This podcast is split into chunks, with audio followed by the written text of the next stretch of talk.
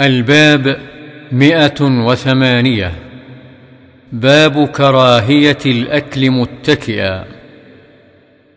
عن أبي جحيفة وهب بن عبد الله رضي الله عنه قال قال رسول الله صلى الله عليه وسلم لا آكل متكئا. رواه أبو داود. قال الخطابي المتكئ هنا هو الجالس معتمدا على وطاء تحته.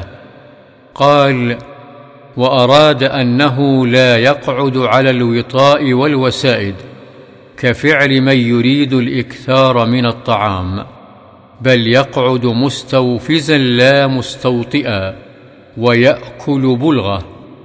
هذا كلام الخطابي وأشار غيره إلى أن المتكئ هو المائل على جنبه والله أعلم.